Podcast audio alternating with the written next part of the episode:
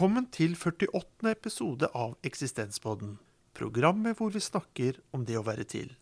Mitt navn er Erling Berrum, og i dag har jeg fått besøk av Harald Peter Stette. Takk for at du ville komme. Ja, takk for at jeg fikk komme. Hvordan vil du kort beskrive deg selv? Dere vil sikkert høre at jeg har ei anna dialekt enn østlendingen, og er fra Vestlandet, fra Ålesund. Og det er jo gjerne en historie om livet mitt som vil gi meg den identiteten som jeg har. Eh, men den kan jeg ikke ta her. Her må jeg være ganske kort. Jeg er teolog av utdanning, et troende menneske.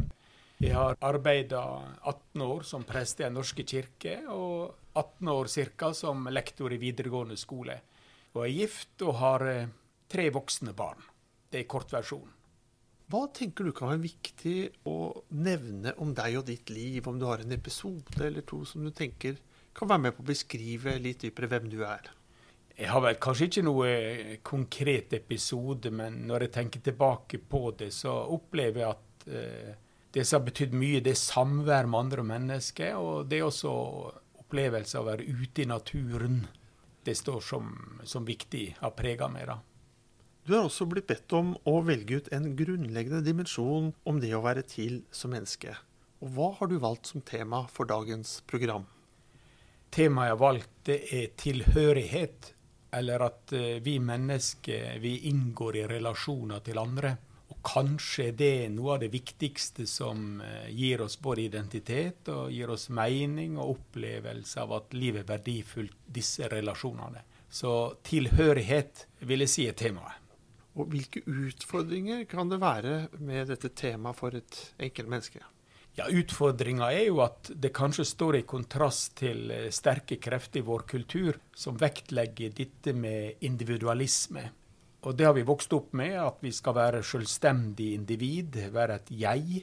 Og man vektlegger den friheten jeg har. Jeg skal utfolde meg sjøl, realisere meg sjøl.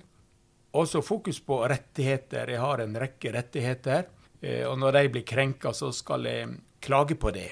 Og vi har jo fått et sånt samfunn med fokus på rettigheter og på klage, og det har jo steget veldig. Jeg har jo jobba i skolen, og jeg ser jo mens vi tidligere kanskje snakka sammen, oppsto en konflikt i klasserommet, så var det viktig å, å, snakke sammen.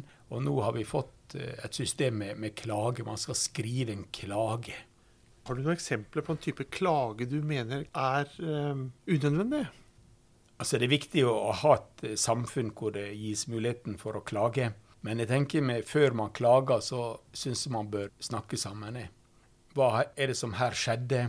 Hvordan opplevde jeg dette her? Og, og, så kan man ta det derfra, altså, når man får snakka sammen. Og Min erfaring er at ofte ved å snakke sammen, så skværer man opp på et veldig lavere nivå. Og kanskje man finner ut at vi behøver ikke gå videre med å klage. Altså, noen ber om unnskyldning. Jeg beklager så mye for det jeg gjorde eller det jeg sa, og så har man ordna opp der. Men når det ikke skjer denne dialogen i forkant, så, så blir det fort litt klager, da. Så en måte å se på den økende andelen klager vi opplever i samfunnet på, det kan også da knyttes til en økende grad av individualisme, eller da mangel på vi, og mangel på samsnakking da, oss imellom, og mangel på følelse av tilhørighet. For da vil vi vel snakke snakke sammen først, sånn som du sier? Ja, jeg tenker med det. fordi da har vi fokus på at vi tilhører et fellesskap. da. Det er jo mange som kanskje ikke opplever tilhørighet, og som sliter litt med å få tilhørighet. Hva kan det handle om? Ja, det har jo skjedd en økning at mange kjenner seg ensomme og alene eh, i samfunnet. Og, og, hvorfor har det blitt slik? Det er nok ganske komplekst, da. Eh, det er det nok. Og, men når jeg tenker på dette med tilhørighet, så er det en grunnleggende refleksjon jeg har gjort meg, og det er ut ifra impulser jeg har fått fra dels lese Martin Bobers bok 'Jeg du', hvor han påpeker at vi står egentlig i to relasjoner. Relasjon til et du, altså medmenneske, eller relasjon til det, altså til ting. Det er den ene impulsen jeg har eh, mottatt. Og det andre er fra Emanuel Levinas, som har skrevet om den andens humanisme, hvor han legger vekt på medmennesket, den andre, altså den første humanismen, det var kanskje fokus på individet. da gjør vi et poeng ut av at den annens humanisme kan være litt tvetydig. Det kan bety det andre mennesket, men det kan også bety tallet to, da. Altså den andre humanismen, til forskjell fra den første. Og den første humanismen hadde kanskje vekt på individets frihet og utfoldelse og rettigheter. Og så kommer en ny humanisme som legger vekt på den andre. Og et poeng for Levinas er jo det der at andre var til før meg. Eller som de eksistensialistiske filosofene vil si det, at vi er kasta inn i verden. Jeg ble til, jeg lever, og det er jo en gåte hvorfor jeg er til, og hvorfor jeg er jeg. Jeg gjør den erfaringa at jeg på en måte nesten kasta inn i dette, her, og da, når jeg våkna opp, så oppdaga jeg at det andre rundt meg, andre mennesker og en verden, det er noe som var til for meg. Og vi vet jo det at jeg som menneske, jeg får jo ikke noe jeg-følelse eller identitet uten at jeg opplever at noen snakker til meg. Et lite barn, skal det utvikles og få språk, så må noen snakke til det. Og vi kjenner jo til fra eh, en del eh, samfunn, av India, vi hører om sånne ulvemennesker, mennesker som har levd blant dyr, og som ikke har levd i et menneskelig samfunn. Og de har jo ikke noe språk. Og man klarer ikke å sosialisere dem. Og, og, og det sier meg det at skal vi bli mennesker, så er vi avhengig av at noen snakker til oss, og noen er der før oss. Og det er denne tilhørigheten som jeg tenker vi må, må vektlegge. Altså at jeg er ikke et jeg uten at jeg blir bevisst på at jeg har noen andre mennesker rundt meg, tilhørighet til dem. Og vi kunne jo også gått videre. Ikke bare mennesker har en tilhørighet til, også, men også tradisjon, et språk. Jeg får et språk. Jeg har ikke valgt mitt norske språk sjøl, som er mitt morsmål. Det har jeg fått av andre. Det kunne kanskje vært rasjonelt at jeg burde hatt engelsk som morsmål, at mine foreldre burde valgt å snakke engelsk til meg fordi det er et verdensspråk. Men eh, jeg vokste opp i en norsk kultur, jeg har fått et norsk språk. Og det gir oss en tilhørighet. Og den naturen rundt oss også gir oss en tilhørighet, og det har vi blitt oppmerksom på i våre dager gjennom miljøvern. At vi tilhører en natur, og vi har en natur rundt oss, og den må vi også ta vare på. Tenker du at vi i dag gjennomgående kanskje kan ha en manglende erkjennelse av denne tilhørigheten, eller også en manglende takknemlighet knyttet til denne forbindelsen vi har til andre, og hvordan vi er egentlig også da skapt av andre. Ja, jeg tror det, og det er kanskje fordi kulturen har vektlagt eh, så sterkt dette med den individuelle frihet og den individuelle selvutfoldelse. Og det er mye verdifullt med denne individualismen. Men eh, jeg føler at det kan ha gått for langt. Og da blir livet veldig krevende også når livet blir et prosjekt hvor jeg skal realisere meg sjøl og ta de riktige og gode valga. Det kan bli en stor byrde som legges på et enkeltmenneske. da. Det er en styrke å se at du har en, et fellesskap, du tilhører et fellesskap, og du har en, en tilhørighet. da. Kan det å realisere seg som fellesskap være å foretrekke framfor å realisere seg som individ? Ja, det, jeg syns det er et spennende perspektiv. det for det handler om at eh, hvordan kan vi sammen skape et godt samfunn for alle mennesker. Og kanskje ikke bare det lokale samfunnet. Det vier seg også ut til hvordan kan vi skape et eh, rettferdig samfunn. Vi lever jo i en verden hvor det blir økt eh, dette med flyktningstrømmen mot den rike delen av verden. Og jeg forstår veldig godt hvorfor folk eh, legger ut på vandring bort fra fattigdom og nød og krig og ønsker et bedre liv. Men det er jo ikke noe løsning at alle skal komme til vår del av verden. Vi må jo ha fokus på hvordan kan vi skape en sosial rettferdighet, slik at det blir et godt liv å leve for alle mennesker der de er. Eh, det er jo en kjempesvær utfordring. Hvis vi skal sette det litt på kanten her, og sette to dimensjoner opp mot hverandre, hvor du på ene siden har tilhørighet, og på den andre siden så har du individuell selvrealisering. Hvilken av de to dimensjonene tenker du vil gi oss mest mening? Altså, begge deler hører med, men jeg tror nok at mest mening opplever vi i fellesskap. Og når jeg tenker tilbake på mitt liv, når hadde det som best, når hadde jeg de sterkeste opplevelsene, så opplever jeg at det var alltid i fellesskap med andre mennesker. Jeg hadde det aldri best når jeg satt alene for meg selv foran en PC eller en TV eller i godstolen. De sterkeste opplevelsene i livet har jeg alltid hatt i et menneskelig fellesskap sammen med andre. Og jeg vil også legge til de største opplevelsene har jeg også hatt utendørs i naturen sammen med andre. Altså ikke innendørs. Apropos da naturen. Enkelte vil vel hevde at vi kanskje har distansert oss for mye fra naturen og blitt mer fremmedgjort i forhold til naturen. Hva tenker du om det, og hva mister vi ved å ikke ha et nært eh, forhold til naturen? Jeg tror det er et riktig perspektiv at vi har tapt um, kontakt med naturen. Og ja, jeg opplever at livet blir rikere i naturen, altså både estetiske opplevelser. Eh, og man behøver ikke å, å, reise så langt for å ha de store naturopplevelsene. Her i Norge så har jo de fleste av oss natur like utenfor stuedøra. Og bare det, når du står opp nå, eh, det er gjerne mørkt, men bare det å stå opp og gå ut og se på en vakker soloppgang, jeg syns jo det kan være en sterk opplevelse. Å se fargene på den eh, morgenhimmelen. Og jeg tror vi skal unne oss sånne små øyeblikk i løpet av en dag, altså. For vi lever bare én dag om gangen og ett øyeblikk om gangen. Og kanskje livet har blitt rikere om vi klarer å glede oss over disse små stundene. Og det som da, disse opplevelsene i naturen, hva det vil gi oss. Å stanse opp og så se og så og kjenne etter. At, at, at, at, det rett og slett godt gir oss en god opplevelse. Kan vår distansering til naturen, og tidvis også fremmedgjøring i forhold til naturen, også bidra til at vi blir eh, fremmedgjort og distansert i forhold til oss selv som natur? Vi er jo naturvesen. Vi er det. Men det er jo en sterke krefter som vil understreke at vi mennesker er bare natur og bare biologi. Og da vil jo vekta være på det at livets mål er å tilfredsstille de biologiske behovene og driftene, mens eh, det å se at vi har livets rikdom ligger i tilhørighet, det blir et litt annet perspektiv. At mennesket søker kanskje ikke primært driftstilfredsstillelse av vår natur, men det vi søker, det er tilhørighet.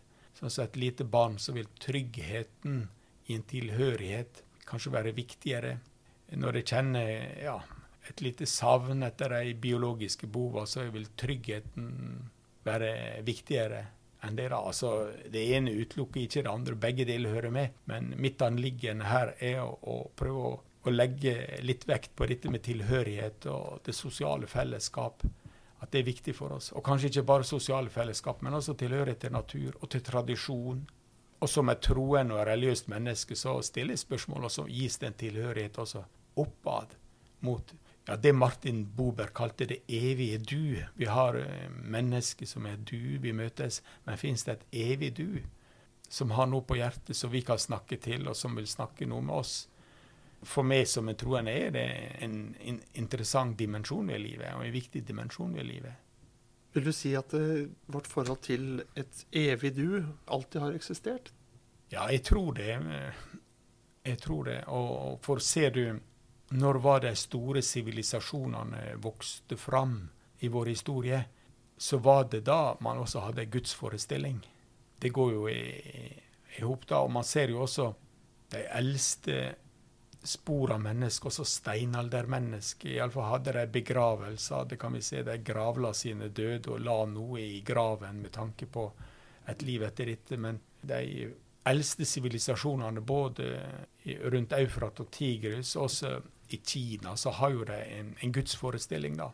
Og det antyder en dimensjon mot en religiøs virkelighet. Og det er jo interessant om det er en sammenheng her nå, da. Om sivilisasjon kunne oppstå uten det. Da beveger oss vi inn på, på store spørsmål. fordi ja, all etikk og all moral og all lov det er jo forankra i det at vi blir observert.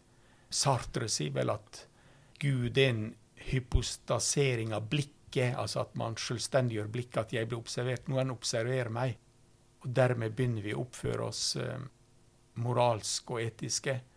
Og i noen kulturer har jo noe sånn at det er ikke noe galt å stjele dersom du ikke blir oppdaga, men blir oppdaga, da er det skamfullt.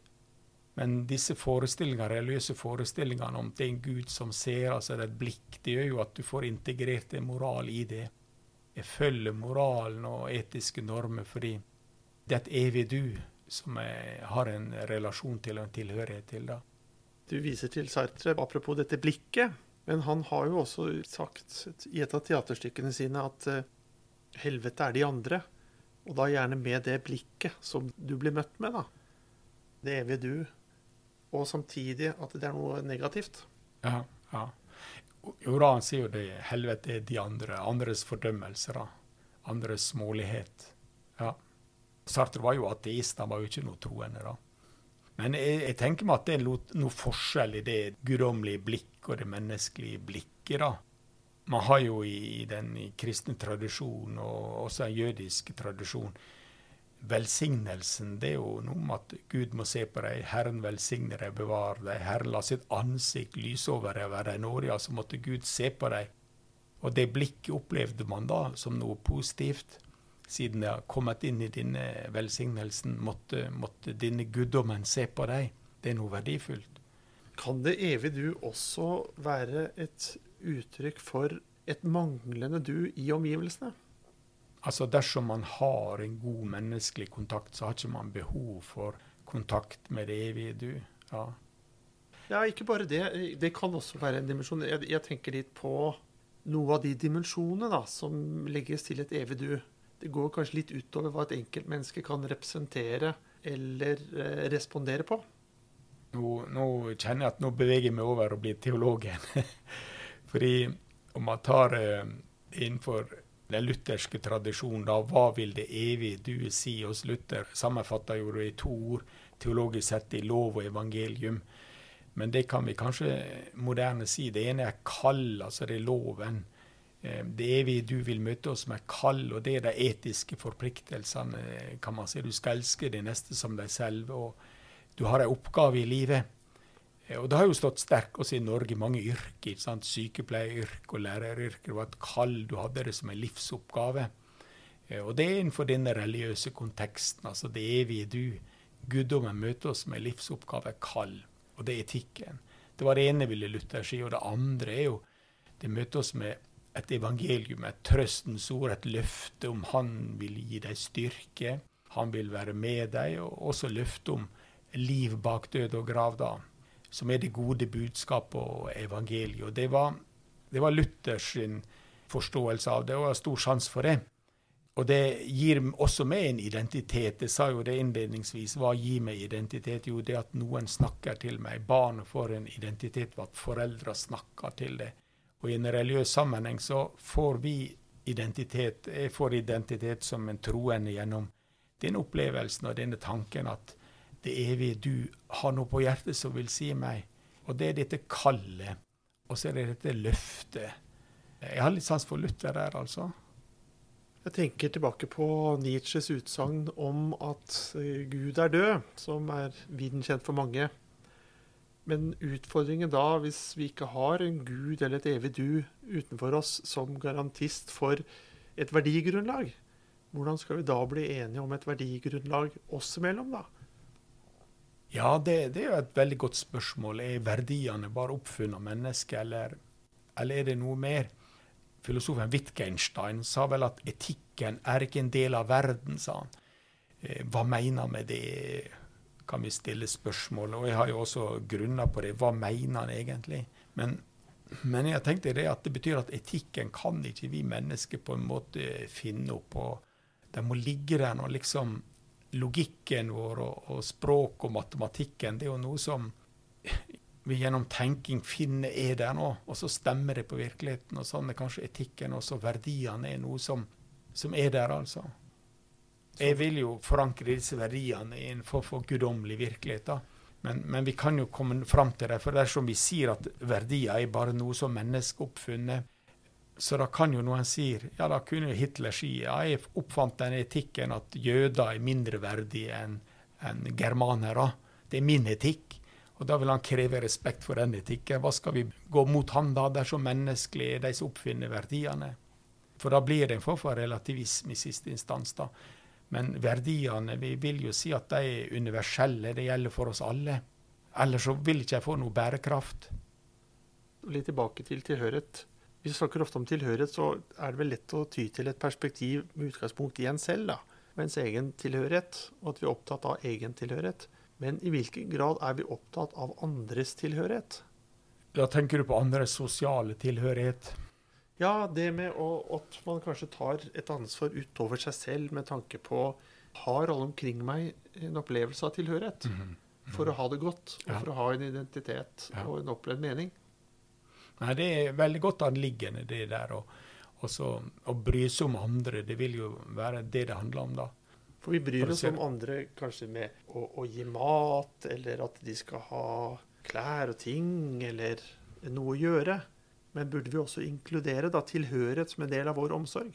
Ja, det, det tenker jeg viser en eh, omsorg og raushet. Å ta kontakt. Altså, Jeg hørte historien om en afrikaner som kom hit til Norge. Og Han gikk på bussen, og i den bussen satt det en nordmann langt bak. Og da gikk den afrikaneren som var naturlig for seg, han gikk bak, og så satte han seg ved siden av den nordmannen. For nå skulle de prate sammen. Det gjør man i Afrika. Man syns litt synd i han som satt alene for seg sjøl, så nå ville han ta kontakt. Mens vi nordmenn, hadde jeg gått på en buss og det satt en ensom nordmann der bak, så ville jeg satt meg langt fremme da for meg sjøl. Sånn er vi, altså. Vi, det er individualismen i vår kultur, da. Eh, men det er jo noe den omsorgen for andre Det kan jo være påtrengende, noen kan oppleve det påtrengende. Men eh, jeg tror vi har noe å gå på der nå, og vise litt den større omsorgen for å inkludere andre, og at andre har det bra. Men når jeg tenker om tilhørighet, så jeg tenker ikke bare, bare på det sosiale, men også tilhørighet til verdier, til tradisjon, til språk.